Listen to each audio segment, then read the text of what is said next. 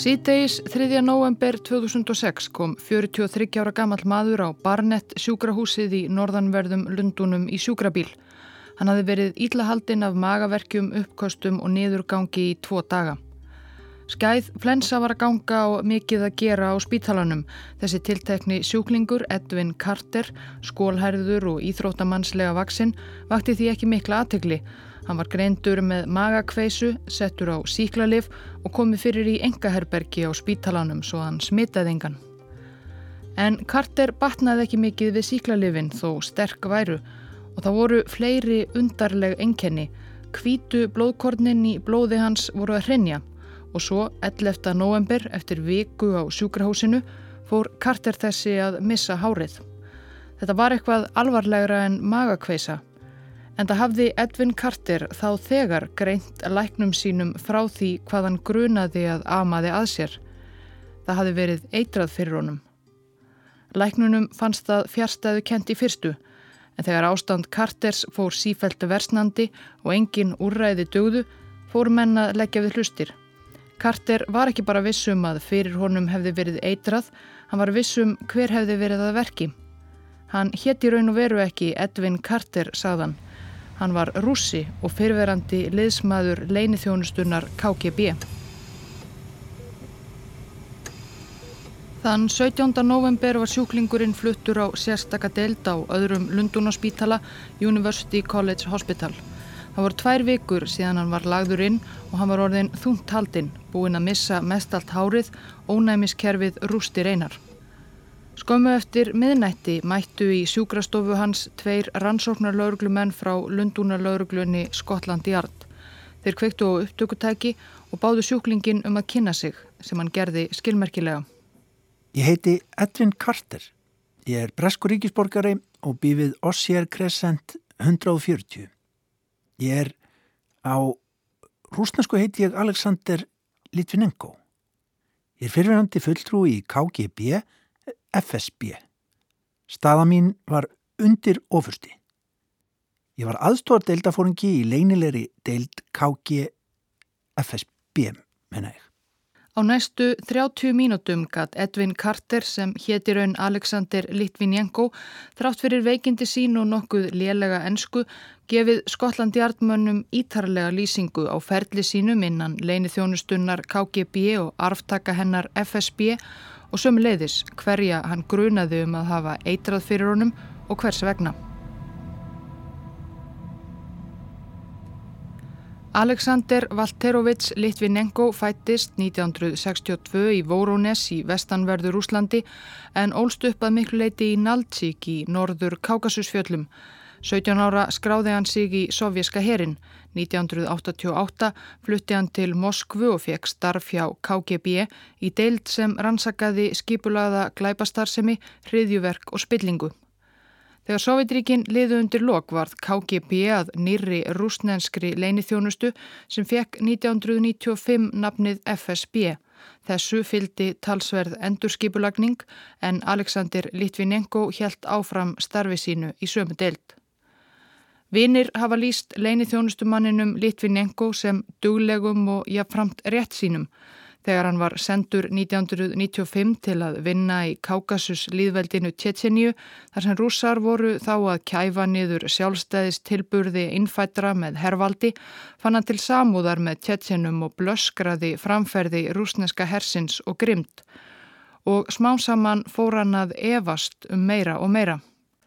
Um miðjan tíunda áratugin eignaðist Litvinenko kunningja sem átti eftir að hafa mikil áhrif á lífans. Hann fekk þá það verkefni að fylgjast með rúsneskum auðjöfri sem var grunaður um að hafa fyrirskipað morð á fréttamanni. Auðjöfurinn var einn sá allra aðsópsmesti af hinnum svo kulluðu ólíkörkum, businessmönnum sem höfðu hagnast gífurlega í allri engavæðingunni eftir fall Sovjetiríkjana. Í raun fengið ríkisfyrirtæki á silfurfati fyrir að hjálpa Bóris Jeltsin að halda völdum þrátt fyrir vaksandi ofinsældir. Bóris Beresovski, starfræðingur að ment, hafi byrjað með bílasölu, síðan eignast hluti í oljufélagi og fjölmiðla og allt mögulegt annað. Hann hafði hagnast gífurlega, eignast vini á æðstu stöðum en sömulegis óvini. Áhrif Beresovskís og hinna ólíkarkana og samstarf þeirra við Jeltsin voru eitur í beinum eldri kynnslóðar harðlinumanna sem enn var að finna í valdastöðum, ekki síst hjá FSB. Beresovski neytaði því að hafa nokkuð með dauða fréttamannsins að gera og flög til Moskvu frá Lundunum til að verja sig. Þegar Moskvu lauruglan mætti til að handtakan var Alexander Litvinenko með í förr og hann gerði þá nokkuð verulega óvenjulegt af FSB manni að vera, saði Beresovski sjálfur síðar. Litvinenko taldi að líf Beresovskis geti verið í hættu, lendi hann í höndum rúsnensku lauruglunar. Það var alls ekki óheirt til dæmis að ímiskonar slis yrðu í fangageimslum þeirra alveg óvart. Svo Litvinenko tók upp bissu sína, beindi henni að lauruglumönnunum og saðist myndu skjóta þá eður handtækju Beresovski. Því næst ringdi hann í yfirmann sinn og baðum að auðjöfurinn hliti vernd. Það varð, lögurglumennir hörfu að vettangi og Beresovski stóð eftir gáttaður og handvisum að Litvinenko hefði þarna bjargað lífans. Auðjöfurinn og FSB-maðurinn urðu svo góðir vinnir og Litvinenko vann af og til verkefni fyrir Beresovski.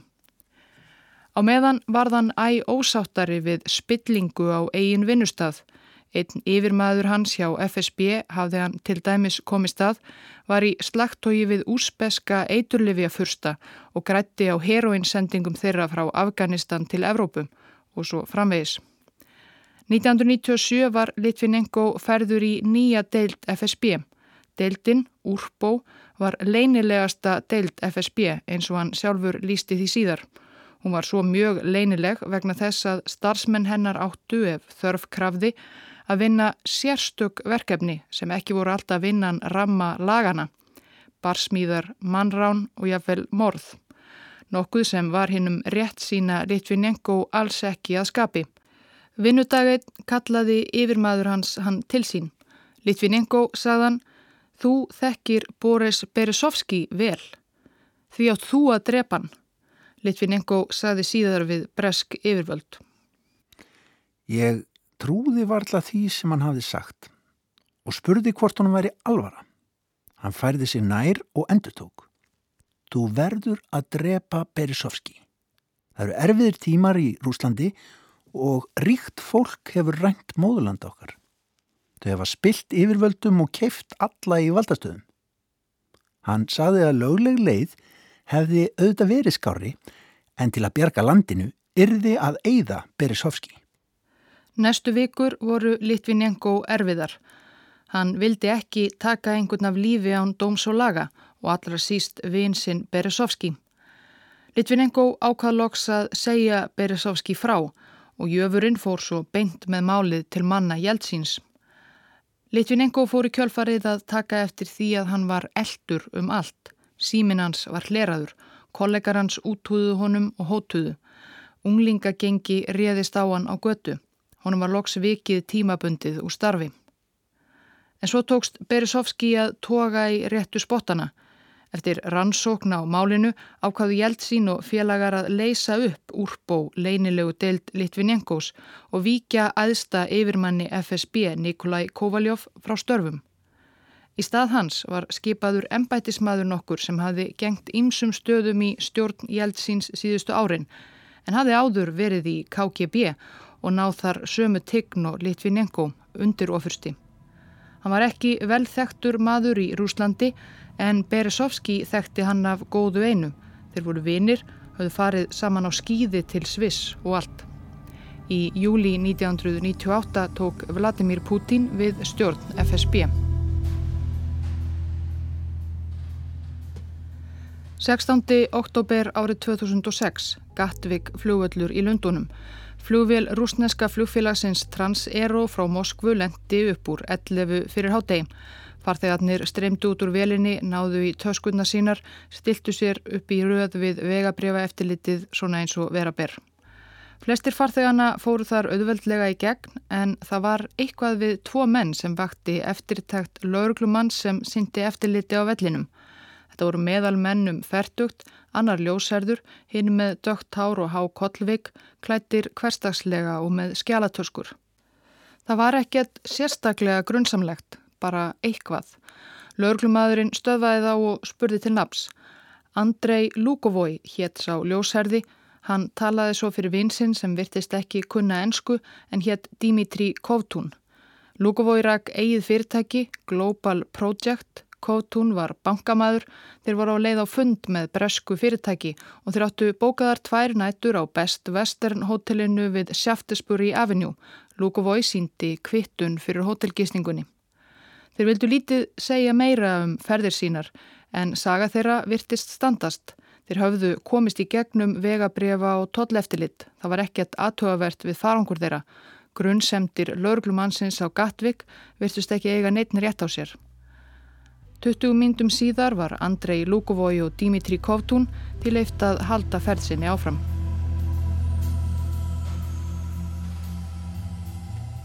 Aftur til ársins 1998 Boris Beresovski kvatti vinsinn Alexander Litvinenko eindreið að fara hitt fyrsta á fund hins nýja yfirmanns FSB Vladimirs Putins.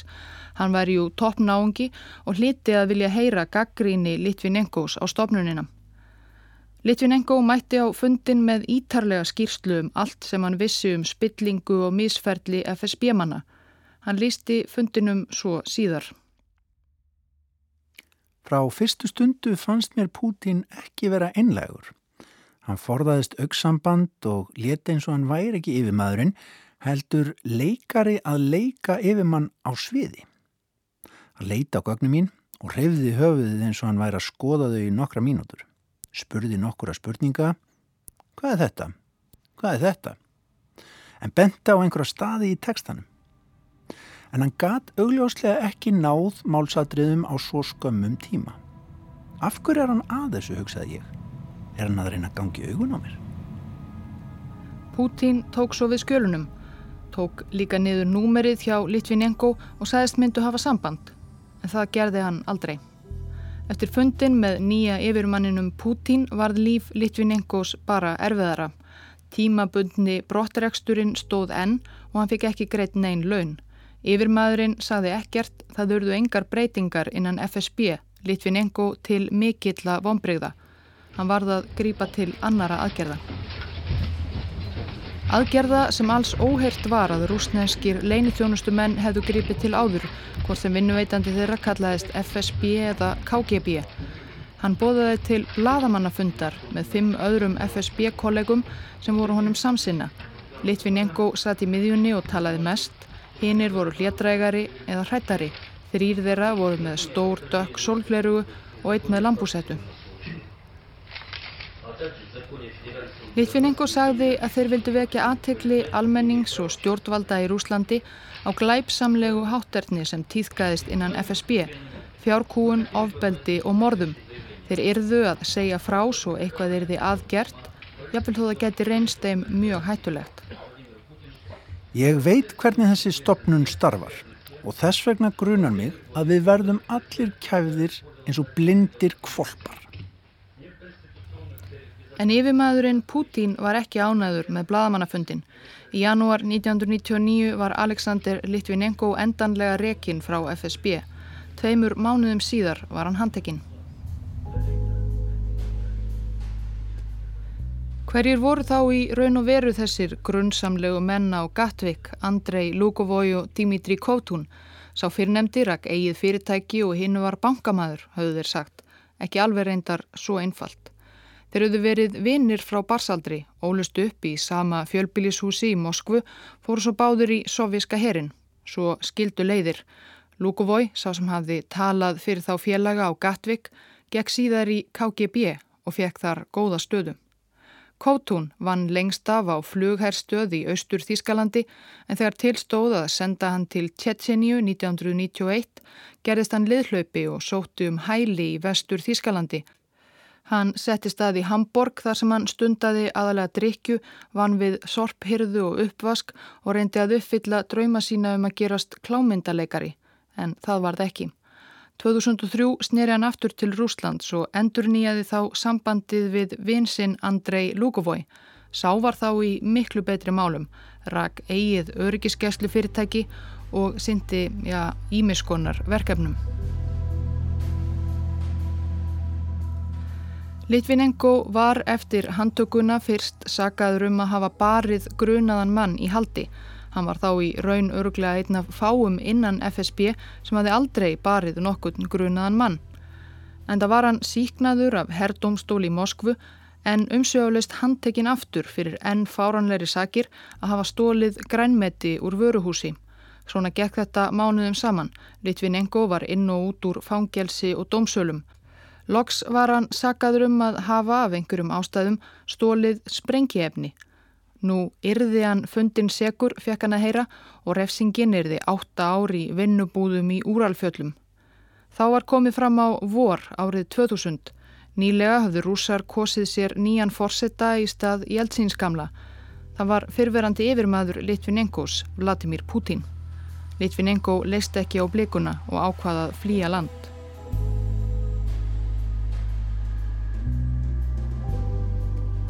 Litvinenko var meinað að yfirgefa Rúsland en hann flög til Sochi við Svarta haf og komst í ferju yfir hafið til Georgiu. Það nægði að lauma nokkrum seglum að landamæraverðinum við höfnina til að fá hann til að hleypa honum um borð. Í Georgiu fekk hann nýtt vegabrjöf. Vinur hans Beresovski þekkti mann sem þekkti Sevardnatse Georgiu fórsetta og því var auðvelt að rettast líku. Með það fór hann til Ankara í Tyrklandi þar sem hann hitti aftur konu sína Marínu og sónin Anatóli. Þau höfðu bókað pakkaferð til Costa del Sol en síðan stungið af til Tyrklands. Með hjálp fleiri vina Beresovskis komst fjölskyldan svo öll í flug til Lunduna. Í komusal á Hýþrá gekk Litvinenko upp að fyrsta laurglumanninum sem hann sá og kynnti sig. Ég heiti Alexander Litvinenko. Ég er fyrirvenandi KGB maður og ég er komin til að sækja um pólitíst hæli. Alla þessa sólarsögu sagði Alexander Litvinenko lauruglumönnum Skotland Jart þar sem hann láð þungt haldinn á sjúkrahúsi í Lundunum í november 2006. Sögusinnar vegna var hann vissum að það hefði verið eitrað fyrir honum. Það vissi engin almennilega enn hvað amaði að honum, hvaða eitri honum hafi verið byrlað Læknaðans var farið að gruna að það væri þallín, krabbaminsvaldandi málmefni sem lengi var notað í skortýra og nagdýrætur og vitað var að KGB hafði notað gegn ofinum sínum. En enkenni Litvinengos pössuðu þó ekki alveg við enkenni þallíneiturnar. Litvinengo hjælt áfram að segja lauruglumönnum frá ferli sínum og öllu því sem hann gerði dagana áður en hann vektist. Hann rakti atburði fyrsta novembers, dagsins, þegar hann veiktist fyrst. Hann borðaði sushi í hátdegismat og síðdegis fór hann á fund. Þessi fundur er mjög mikilvægur. Ég skal skýra það. Ég fór á Millennium Hotelið, nálagt ameríska sendiráðinu, tveir rússar. Þessi menn eru, þeir eru mjög áhugaverðir. Annar þeirra heitir Andrei Lugovoi. Alexander Litvinenko var formlega veitt politist hæli í Breitlandi í mæ 2001, nokkru mánuðum eftir komuna til Lunduna. Hann fekk breskan ríkisborgararétt og nafnið Edwin Carter. Marina kona hans varð Marja og sonurinn Anatóli þá 7 ára Anthony. Þau nautu góðs af því að vinur þeirra Boris Beresovski var fluttur til Lunduna í sjálfskeipaða útlegð. Beresovski var kannski ekki alveg sá mannglöggasti. Þegar í ljós koma nýju forsetin Pútín ætlaði ekki að láta ólíkarka eins og Beresovski stjórna sér, sama þó þeir hefðu farið saman á skýði, slettist rækilega upp á vinskapin og Beresovski hafi fljótt orðið einn af heitustu andstæðingum forsetans. Beresovski borgaði Litvinenko fyrir að sinna fyrir sig ímsum öryggisverkefnum og borgaði líka skólagjöldin fyrir Anthony Litla. Í útlegð sinni sökti Litvinenko sér í upplýsingar sem áður höfðu verið honum óaðgengilegar í Rúslandi um svarta sögu stopnunarinnar sem hann hafi unnið fyrir, glæpi spillingu og sviksemi gamla KGB í Sovjetríkunum og um heimallan þá og FSB nú. Hann varð sífælt heitari andstæðingur stjórnvalda í gamla landinu. Árið 2002 gaf Litvinenko út bók með rúsneska sakfræðingnum Júri Felstinski Blowing Up Russia að sprengja Rúsland. Í bókinni er sett fram svo kenning að sprengju árásir á fjórar stórar íbúðablokkir viðsvegar um Rúsland í september 1999 þar sem letust samanlagt 293 hafi ekki verið verk tjettjenskra hriðjuverkamanna heldur skipulagðar af FSB til að magna upp stuðning við nýtt stríði í Tjettjenju og auka vinsældir manns sem þá var komin í embætti forsætisráð þeirra Rúslands, Vladimirs Putin. Það er eldfim kenning sem kannski er ekki eins fjárstæðu hún hljómar í fyrstum. Til að mynda voru flóttalegir FSB-menn gómaðir með póka fulla af sprengiefni í kjallara 50 íbúðablokkarinnar en þeir sögður reyndar að þetta hefði allt saman bara verið æfing. Um þessa sögu alla er fjallabetur í setni af tveimur þáttum í ljósi sögunar um styrjaldir rúsa og tétsena. 2002 voru þessar kenningar þó ekki í hámæli og bók Litvinengos og Feltinski vakti mikla aðtegli. Hún var byggð á ítarlegum vönduðum rannsóknum og mikill í þekkingu Litvinengos um starfsemi FSB. Þegar eint var að senda eintök til Rúslands voru þau gerð upptæk í fyrsta sinn frá dögum Solzhenitsyn sem rítverk var bannað í Rúslandi. Svo gaf Litvinenko út aðra bók, Lubjanka glæpagengið. Lubjanka heitir byggingin sem hýsir höfuðstóðvar FSB í Moskvu, áður KGB. Í bókinni setur Litvinenko fram þá kenningu að vinnuveitandi hans gamli sé í raun orðin að glæpasamtökum eða hafi alltaf verið. Fjölmarkir FSB menn væru með puttana í eiturlefja business og öðrum ósóma og svífist einskist til að komast upp með glæpi sína og halda áhrifum sínum í rúsneska stjórnkerfinu. Fremstur meðal jafningja í Lubjanka klæpagenginu væri svo fyrverandi yfirmaður FSB sem var þá orðin fórsetir Úslands, Vladimir Putin. Það var líka reynd að banna þessa bók í Rúslandi. Meðfram bókarskrifum skrifaði Litvinenko svo fjölda greina um ímist tengt málefni. Skoðanir hans voru stundum dálítið undarlegar og köplum alveg fjärstaðukendar. Eitt sinn sakaði hann til dæmis Pútín um að vera barnanýðingur eftir að mynd byrtist af forsetanum kissa ungan dreng á naflan. Hann hafði lítið annað fyrir sér í því en greinilegt að Litvinenko lagði djúpa fæð á mannin sem hafði orðið þess valdandi að hann varð að flýja Rúsland. Litvinenko fegst líka við ímislegt annað. Árið 2003 hafði breska leinithjónustan MI6 samband við hann. Umfang vinnu Litvinengos fyrir MI6 er enn leinilegt en fyrir 2000 pund á mánuði er talið að hann hafi veitt breskum kollegum ráðleggingar um það sem hafi verið sérsviðans heima, rúsnesk skipulöð glæpastarsemi. Hann var líka sendur af MI6 til nokkura Evrópulanda að veita þeim ráðgjöf mikið til spánar þar sem rúsnenskir mafjósar voru að reyðja sér til rúms með fíknefnum, vændi, mannránum og morðum og öðru tilherandi. Litvinengo veitti spænsku lauruglunni mikilvægar upplýsingar um helstu mafjósa svo og tengst þeirra við FSB og rúsnenska stjórnmálamenn sem veittu þeim skjól. En Litvinenko og fjölskylda gáttu ekki lifað aðeins á 2000 pundum frá MI6 og sporslum frá Beresovski þó örlátur væri. Til að komast af leitaði Litvinenko líka út á engamarkaðin. Hann fór að vinna fyrir tvö engarekin greiningar eða já, njóstna fyrirtæki má alveg kalla það. Fyrirtæki sem veittu kaupsýslumönnum sem hugðu á viðskipti erlendis, ráðgjöf og upplýsingar Til dæmis hvort eitthvað mísjamt veri vitað um þennan eða hinn rúsnenska businessmann eða þetta eða hitt fyrirtæki. Það voru oft fyrverandi leinithjónustumenn sem unnu fyrir slík fyrirtæki eða menn með tengsl við þann heim.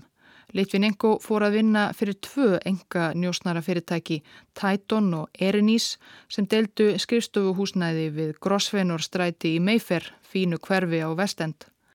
Í störfum sínum fyrir Tætón og Erinís átti Litvinenko samstarfið ímsa landa sína innan Rúslands og utan sem veittu honum upplýsingar. Eitt þeirra var bladakonan og stjórnaranstæðingurinn Anna Politkovskaja sem var síðar myrt. Annar var maður sem hann hafði lítilega kynst á tíunda áratögnum í gegnum kunningjahóp Beresovskis. Sá var gamal FSB maður eins og Litvinenko sjálfur en þegar hann hafði óvænt samband við Litvinenko sumari 2005 var hann farin að reka eigið öryggiskerslu fyrirtæki heima í Rúslandi. Þetta var auðvitað Andrei Lugovoi.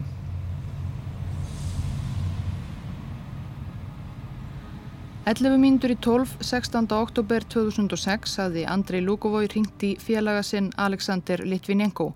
Þeir hefðu þá unnið saman í meira en ár.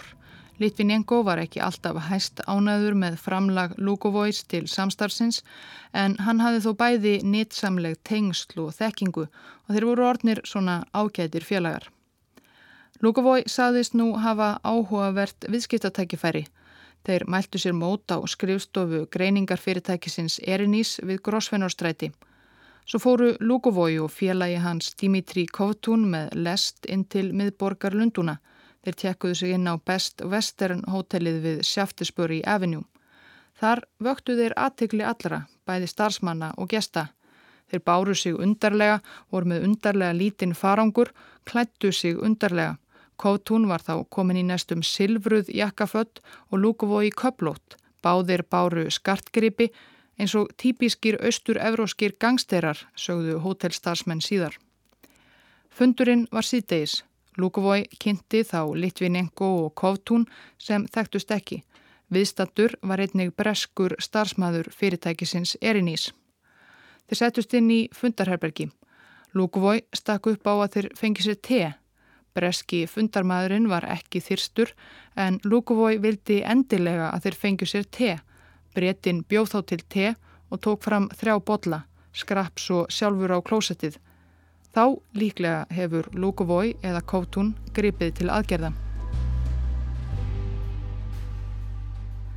Farangur Lúkuvói og Kótúns hafði ekki vakið sérstaka eftirtækt á Gatvík. Enguða síður var annar þeirra með nokkuð mjög óveinulegt í farteskinu, lítið hilki sem innihjælt gríðarlega sjálfgæft og geyslavirt efni og ban eitrað. Við vitum ekki nákvæmlega hvernig þeir fluttuða en þetta var líklega svo lítið magna að það gæti hafa komist fyrir í kúlupenna til dæmis eða í drópateljara eða lítilli spreyflösku, ekki neitt sem hefði vakið mikla eftirtækt. Engun veginn allavega laumuðu þeir félagarnir eitrinu til Lunduna og komuðu því svo í tepotla Litvinengos á skrifstofinni við Grósfennórstræti. En aldrei þessu vant þá langaði Litvinengo ekki í te. Þegar fundinum laug hafði hann ekki fengið sér einn einasta sopa. Rússar reyndu síðar að halda því fram að Litvinenko hefði reyndað eitra fyrir þeim Lukovói og Kótún á þessum fundi. Það skýrði öll geyslavirku ummerkin sem síðar fundust hvar sem þeir höfðu farið og verið. En það er ósennilegt. Engin geyslavirk ummerki fundust á þeirri leið sem Litvinenko fór til fundarins. Hins vegar skildu Lukovói og Kótún eftir sig geyslavirka slóð um alla lundunni á hótelherbergjum, í búðunum sem þeir heimsóttu, veitingahúsum og börum. Rannsókn Lundunarlaurglunar átti eftir að sína að þeir félagar fóru ótrúlega glannalega með því stór hættulega eitur sem þeir höfðu í fórum sínum. Eftir að þeim mistókst að eitra fyrir Litvinenko hafði annar þeirra greinilega bara sturta því sem eftir var af eitrinu niður klósettið á hótelherbyggi sínum. Kvöldið eftir fóru þeir á djammið og reyndu meðal annars að pikka upp stelpur. Það gekk lítið. Allt virtist mistakast hjá þeim félögum. Á hverjum bar og hverju strippbúlu skildu þeir eftir sig geyslavirka slóð. Líka þegar þeir fluguloks heim til Moskvu. Hvað ætli hver sá sem fól þeim Lukovói og Kovtún að eitra fyrir Litvinenko hafi sagt þegar þeir komu heim með skottið millir lappana? Við vitum það því miður ekki. En nýju dögum síðar, 25. oktober, flög Lukovói aftur til Lunduna. Hann var einn í þetta skipti. Hann gisti á Sheraton Park Lane við Piccadilly. Aftur var hann með lítinn farangur, aftur var hann með sjaldgeft geyslavirt banvænt eitur í fórum sínum. Dæin eftir síðdeis hitti hann vinsinn Alexander Litvinenko og bar á jarðhæð hotelsins. Þeir töluðum um business. Lukovói skellti í sig þremur rauðvinsklösum og reykti kúpverskan vindil. Litvinenko let sér næja te og í þetta sinn drakkan. En af einhverjum ástæðum, við vitum það ekki, tókst Lukovói aldrei að koma eitrinu í tebólla vinarsins eða þá hann hætti við. Þeir kvöttust og Lukovói fór upp á herbergi með eitrið þar sem hann heldi því niður niðurfallið á baðherbergisvaskinum. Það slettist aðeins og hann þurkaði slettutnar með handklæði. Síðar fannst þetta handklæði í þvóttahúsi hótelsins og var sendt til rannsóknar á kjarnavopna rannsóknarstofnun Breitlands í Aldermaston.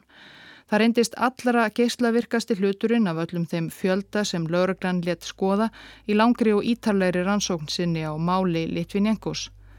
Og eins og breski bladamæðurinn Luke Harding orðar það í bóksinni um Litvinenko málið A Very Expensive Poison, örglega geyslavirkasta handklæði í sögunni.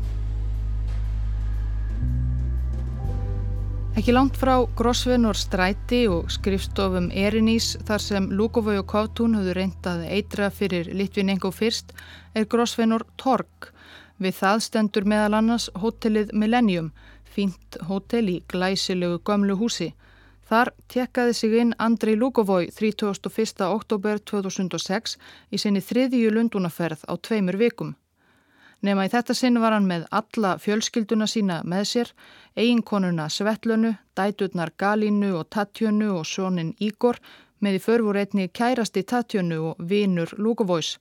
Öll voru þau komin að sjá fótboltaleiðið CSKA Moskva, etja kappi við Arsenal á Emirates leikonginum daginn eftir. Morgunin eftir, 1. november, bættist enni gæstahópin á Millennium. Dimitri Kovtún kom og líklega var það hann sem hafði með sér enneitin skamtinn af sjálfgæfa geyslavirka efninu sem þeir höfðu þegar reyndað byrla Alexander Litvinenko. Á hádegi ringdi Lukovoi Litvinenko og bauðunum að hitta sig á hótelinu. Þegar komið var fram yfir hádegi og Litvinenko let ekki sjá sig var þann óþólunmóður og ringdi oft. Á öryggismyndavilum hótelsins má sjá þá Lúkovói og Kovtún bauka eitthvað inni á einu karlaklósetti hótellobbísins. Þar mæltist síðar gríðarmikil geyslavirkni. Litvinenko let lokk sjá sig um fjögurleitið. Þá sátu þeir við borð á hótelbarnum og höfðu verið þar um hríð. Það var tepottur á borðinu og nokkri botlar. Það er lítið eftir í þessu, sagði Lúkovói, en eitthvað, fáðu þér endilega. Ég fekk mér nokkra sopa en þetta var grænt te með engum sigri og svo var orðið kallt. Ég var ekki hrifin að því af einhverjum ástæðum. Já, þetta var auðvitað kallt sigurlaust te og ég fekk mér því ekki meira. Kanski ég hafi fengið mér þrá eða fjóra sopa, ég kláraði ekki úr botlanum. Fundurinn var stuttur, Lúkovói var að flýta sér á leikin. Eftir 20 myndur kom fjölskylda hans að ná í hann Lúkvói kynnti Litvinenko stuttlega fyrir Ígor átta ára sinni sínum, skipaði drengnum að taka í höndina á Alexander Frænda. Síðar um kvöldið fór Litvinenko að finna fyrir magaverk. Það var geyslavirka efnið í yðrum hans. Þegar áleið sjúkrahúslegu Litvinenkos fóru enkenni hans helst að líkast þeim sem krabbaminsjúklingar glíma við í geyslamerðferð. Meðferð við þallineitrun bar ekki árangur. Litvinenko varð bara veikari. 15. november prófuðu læknar að veifa gæger teljara, geyslavirkni mæli yfir honum en teljarin gaf ekki frá sér eitt einasta píp. Hver fjárin amaðið að manninum. Yfirheyslur lauruglumannana tveggja frá Skotland í art yfir Litvinenko heldu áfram í þrjá daga á meðan læknar reyndu eftir fremsta megni að lína þjáningar hans. Litvinenko gaf skilmerkilegar lýsingar á öllu og setti sjálfur fram kenningar. Hann var auðvitað reyndur leinithjónustumadur og var á köplum eins og þriðji lauruglumadurinn í rannsókninni, döðvona maður að leysa eigið morðmál. Þegar leiðað kvöldi 20. november á þriðja degi yfir heislana spurðu lauruglumennir Litvinenko beint út hvort hann teldi sig vita hver stæði á bakvið eitrunina. Ég er ekki nokkrum vafa um að þetta hafi verið verk rúsnesku leinithjónustunar. Og vegna þekkingar minnar á kerfinu veit ég að fyrirskipunin um að drepa borgara annars lands á yfiráðsvæði þess, sérstaklega í Breitlandi, gæti bara hafa komið frá einu manni. Myndur vilja segja okkur hver sá maður er, Edvin, spurði þá annar lörglumannana. Sá maður er forseti rúsneska sambandslífildisins, Vladimir Putin. Og þið vituðu þetta að á meðan hann er en fórseti getið ekki sóttan til saka fyrir þessa skipun. Því hann er fórseti stórs ríkis sem er fullt af kjarna, efna og gerðlavopnum. En ég er ekki í nokkrum vafa að um leið og það verða valdaskipti í Rúslandi eða yfirmaður leinithjónustunar flýr til vestus kemur hann til með að segja það sama. Hann segir að það hafi verið eitra fyrir mér af rúsnesku leinithjónustunni að fyrirskipan Pútins. Þetta var síðasta samtal Litvinenko og mannana frá Skotland Jard. Síðan um kvöldið var Litvinenko fluttur á Gjörgæsludeild. Hann var með óreglulegan hjarslátt og lífæri hans voru að bregðast eitt af öðrum. Þar var daginn eftir tekinn fræg myndafónum í sjúkrarúmi, hárlausum og veiklulegum en með augrandi augnaráð. Líka minn var að gefast upp en ekki andin. Þó hann hefði þetta ekki af ætlaðan allavega að tryggja að heimurinn fengi að vita hver hefði drepið hann. Nær dauða en lífi fór hann í fjölmiðla viðtöl og let skrifa upp eftir sér yfirlýsingu þar sem hann skellti skuldinni á Vladimir Putin. Um miðnætti 20. og 2. november fekk Litvinenko hjarta áfall og fjall í dá sem hann vaknaði ekki aftur upp úr. Hann lést upp úr nýjuða kvöldi daginn eftir 23. november, 43 ára gamall. Það var ekki fyrir en eftir dauða Litvinenkos sem það fegst staðfest að efnið sem dróan til dauða var samsætan Pólon 210. Það er ram geislavirt efni en gefur frá sér veika gammageislun og skamdræga alfageisla sem venjulegir gækerteljarar geta ekki greint. Að innbyrða eitt mikrogram af þessu efni er nóg til að draga mannesku til dauða. Úr tebóllanum á Millennium hotellinu hafði Litvinenko drukkið 26,5 mikrogram.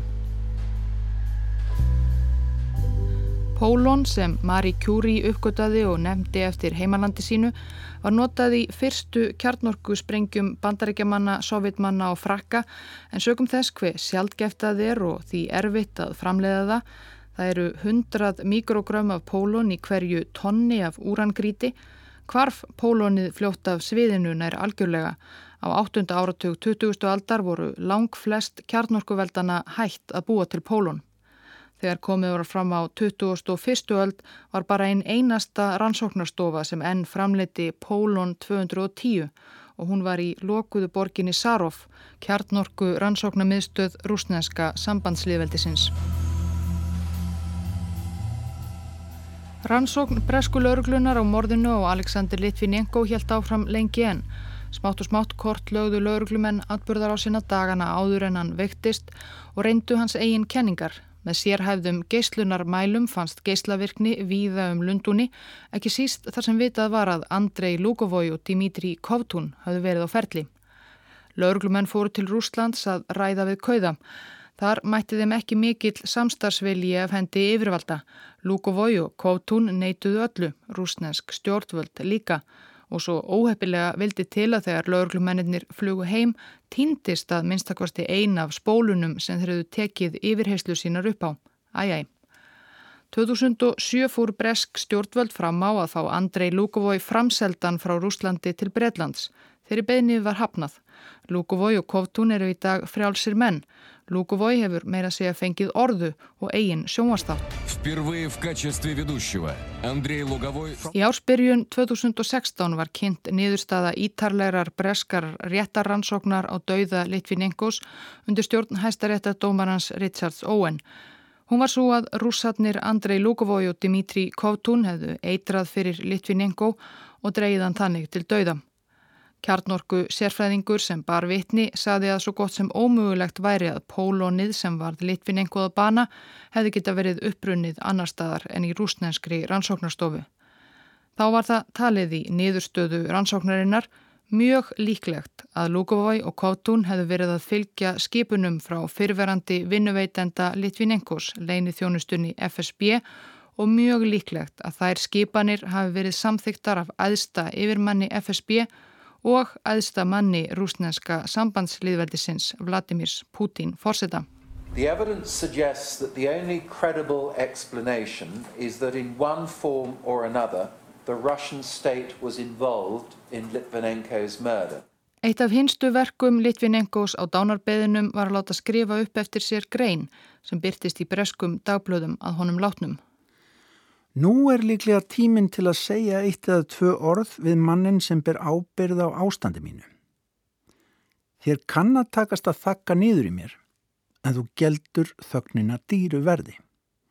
Þú hefur sínt að þú ert eins villimannslegur og grimmur og þínir vestu gaggrinendur hafa haldið fram. Þú hefur sínt að þú berð enga verðingu fyrir mannslífum, frelsi eða nokkrum gildum síðmenningarinnar. Þú hefur sínt að þú ert ekki verður ennbættiðinu og ekki verður trösti síðaðs fólks.